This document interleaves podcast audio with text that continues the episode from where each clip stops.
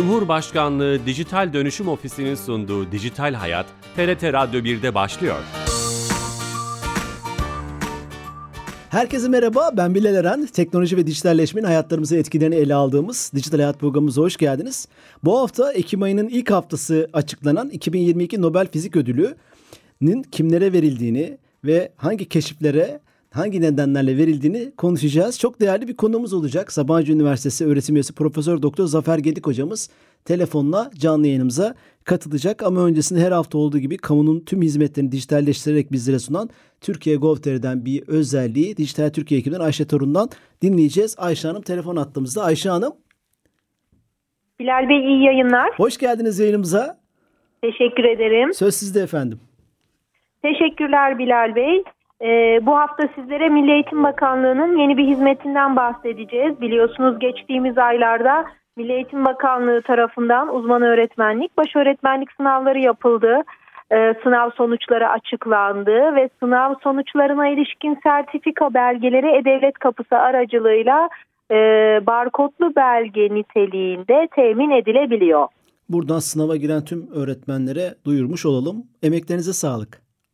Teşekkür ediyorum. İyi yayınlar diliyorum. Sağ olun. Teşekkürler. Ee, Dijital Türkiye ekibinden Ayşe Torun'dan e, yeni bir duyuruyu dinlemiş olduk. Yeni katılan dinleyicilerimiz vardır. 2022 Nobel Fizik Ödülünü konuşacağız. Kimlere hangi keşifler nedeniyle verildi?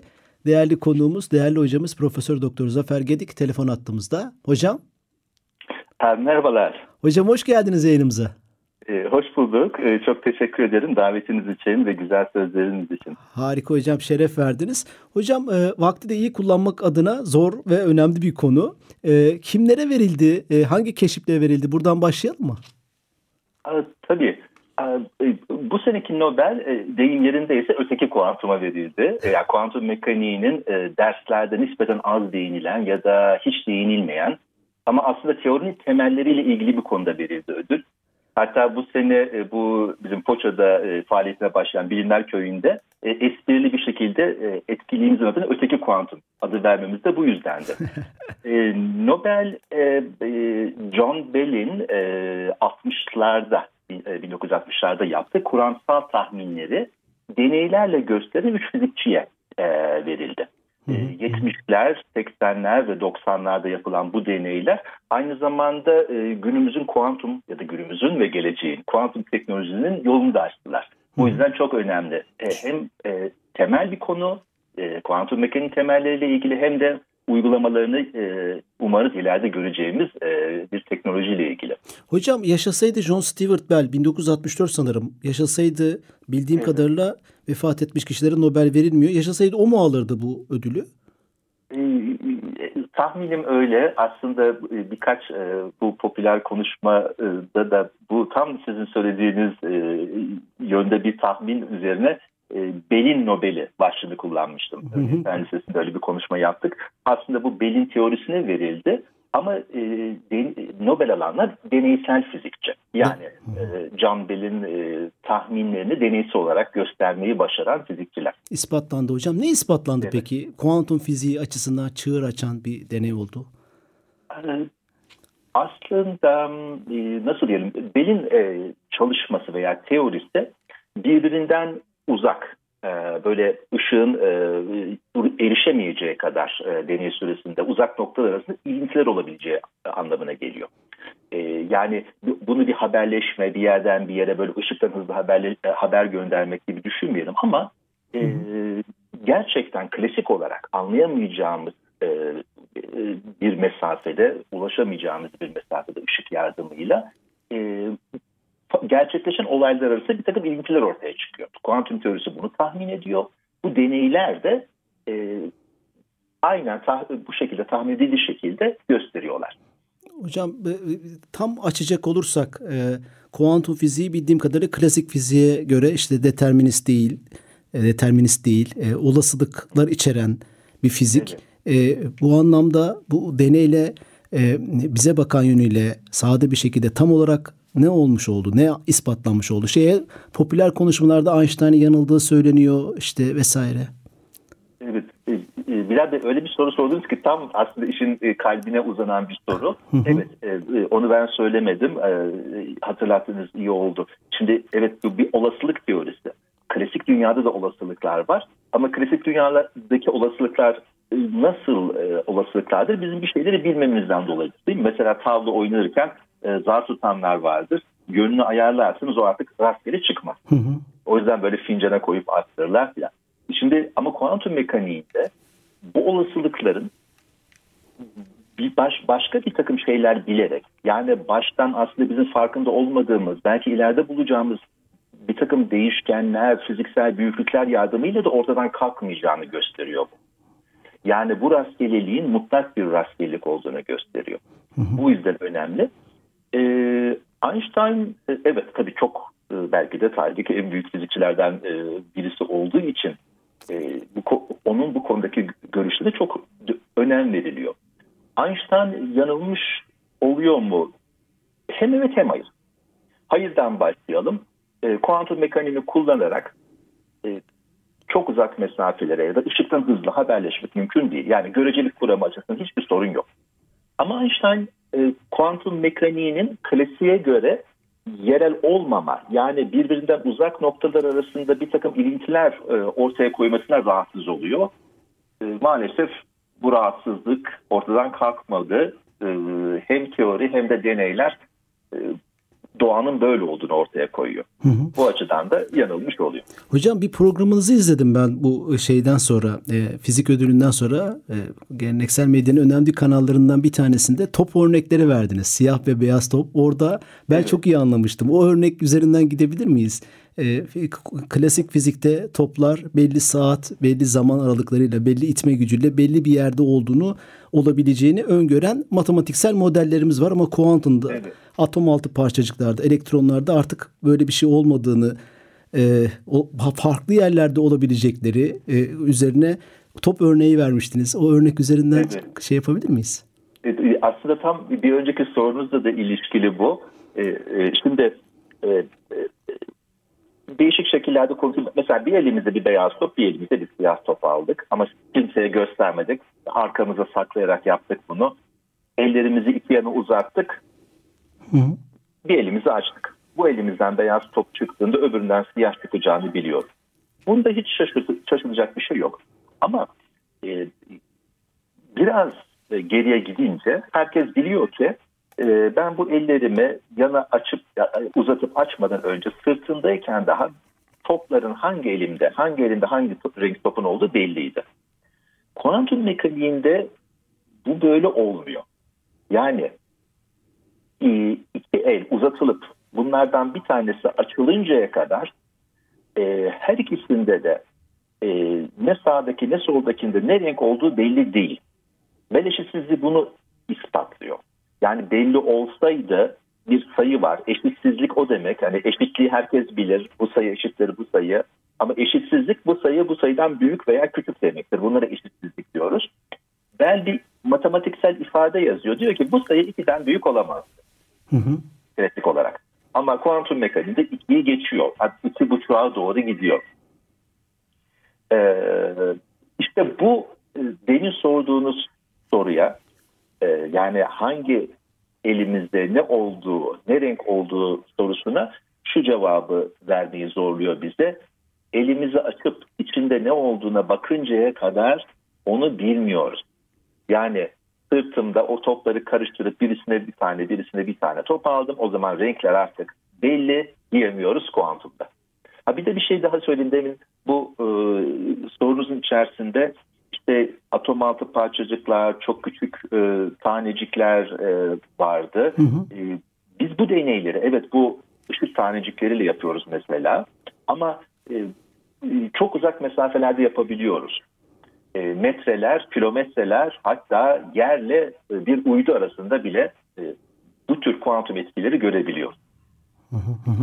Bu arada yeni katılan dinleyicilerimiz vardır. Nobel Fizik Ödülünü 2022 sonuçlarını anlamaya çalışıyoruz ve sonuçlarını konuşacağız ve konuşmaya çalışıyoruz. Profesör Doktor Zafer Gedik hocamız da Sabancı Üniversitesi öğretim üyesi. Hocam peki bu şu anlamı mı geliyor? Şimdi e, kuantum fiziğinde de bir matematik yok mu? Olasılıklar ama bu olasılıkları hesaplayabiliyoruz mu? Onu sormak evet. isterim.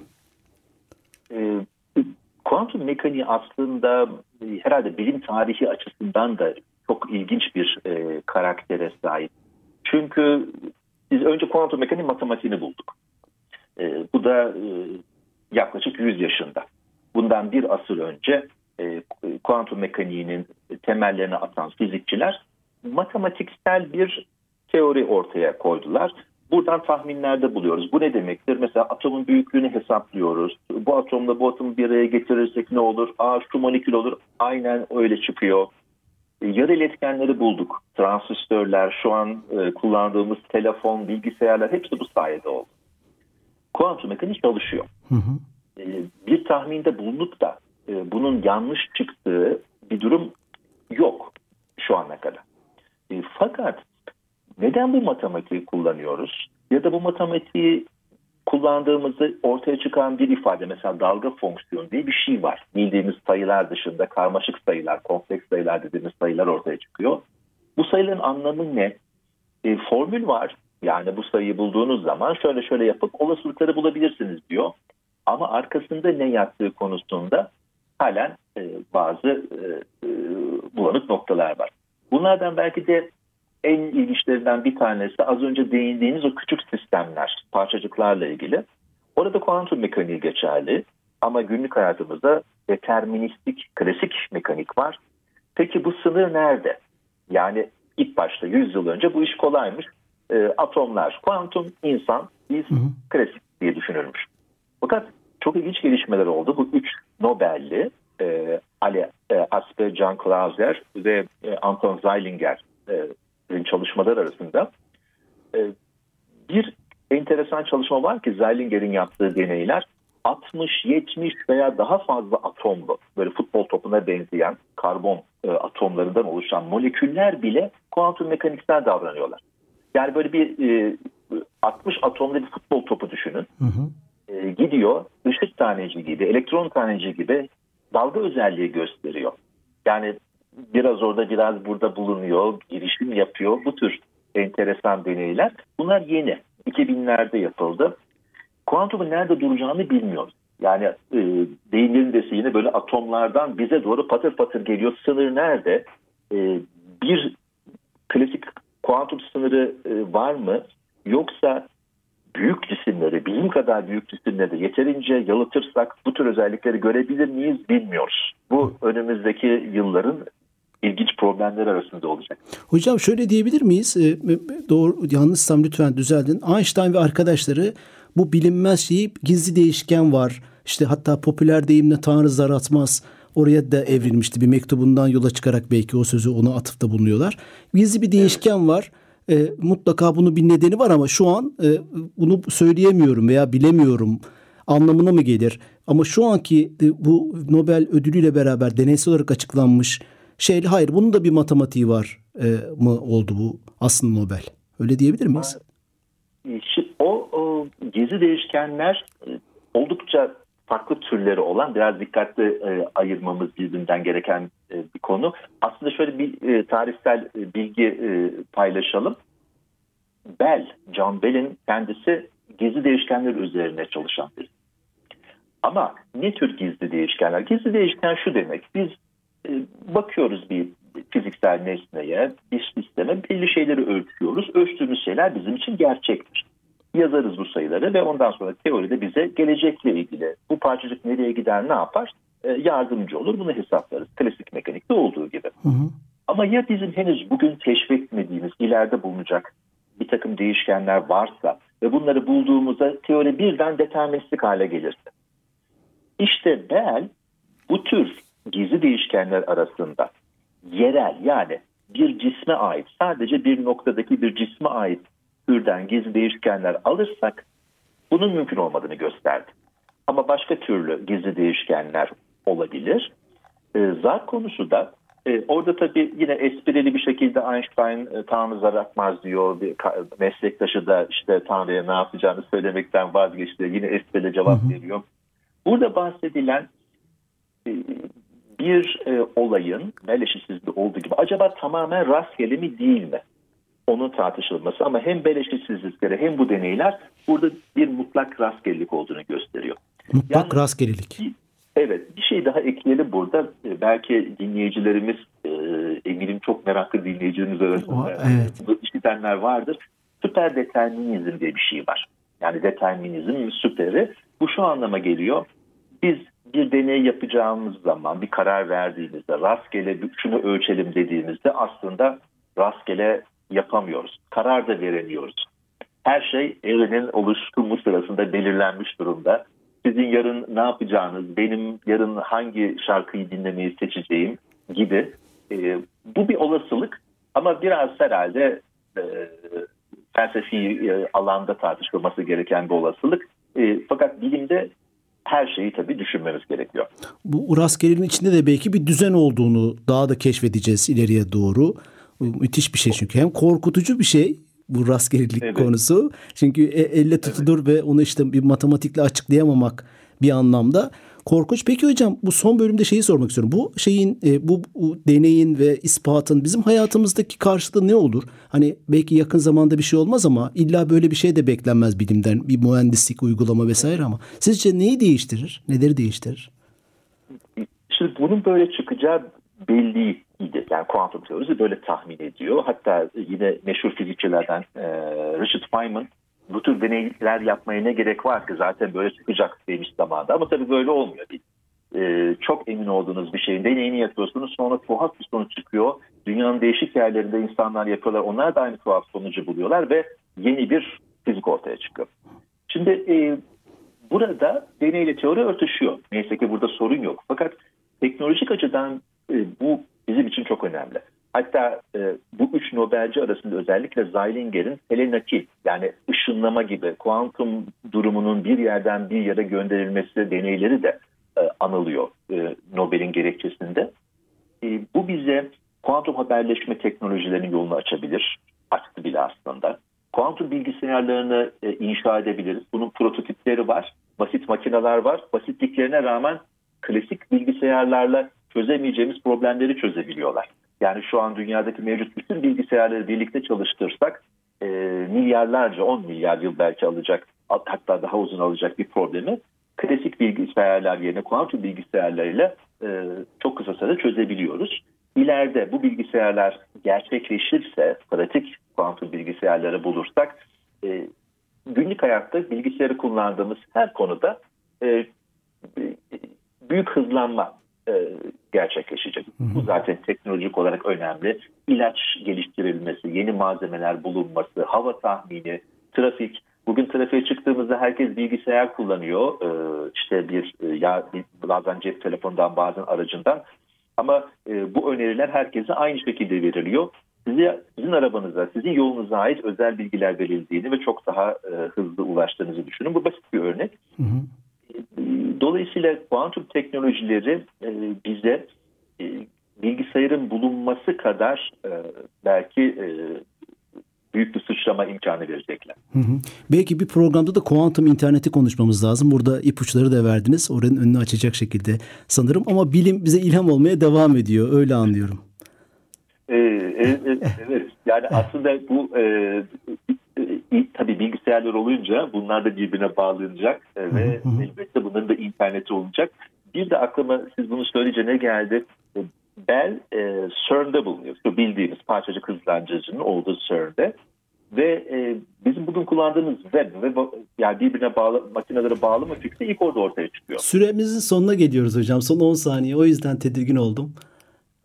Bu e, noktada Başka. ben, özellikle bilgisayar ve mühendislikteki, fizikteki e, gençleri de kuantum teknolojilerine davet ediyorum. Tamam. Harika hocam. Çok teşekkür ederiz. Şeref verdiniz. Ben teşekkür ederim. Sağ olun Çok hocam. Sağ olun. Sabancı Üniversitesi öğretim üyesi Profesör Doktor Zafer Gedik hocamızla Nobel Fizik Ödülünü konuşmaya çalıştık. Kime, neden, niçin verildiğini, hayatımıza etkilerini. Bu programın kaydı yarına itibaren YouTube ve podcast kanallarımızda olacak. E, haftaya yeni bir konu ve konukla beraber olacağız. İyi hafta sonları. Hoşçakalın.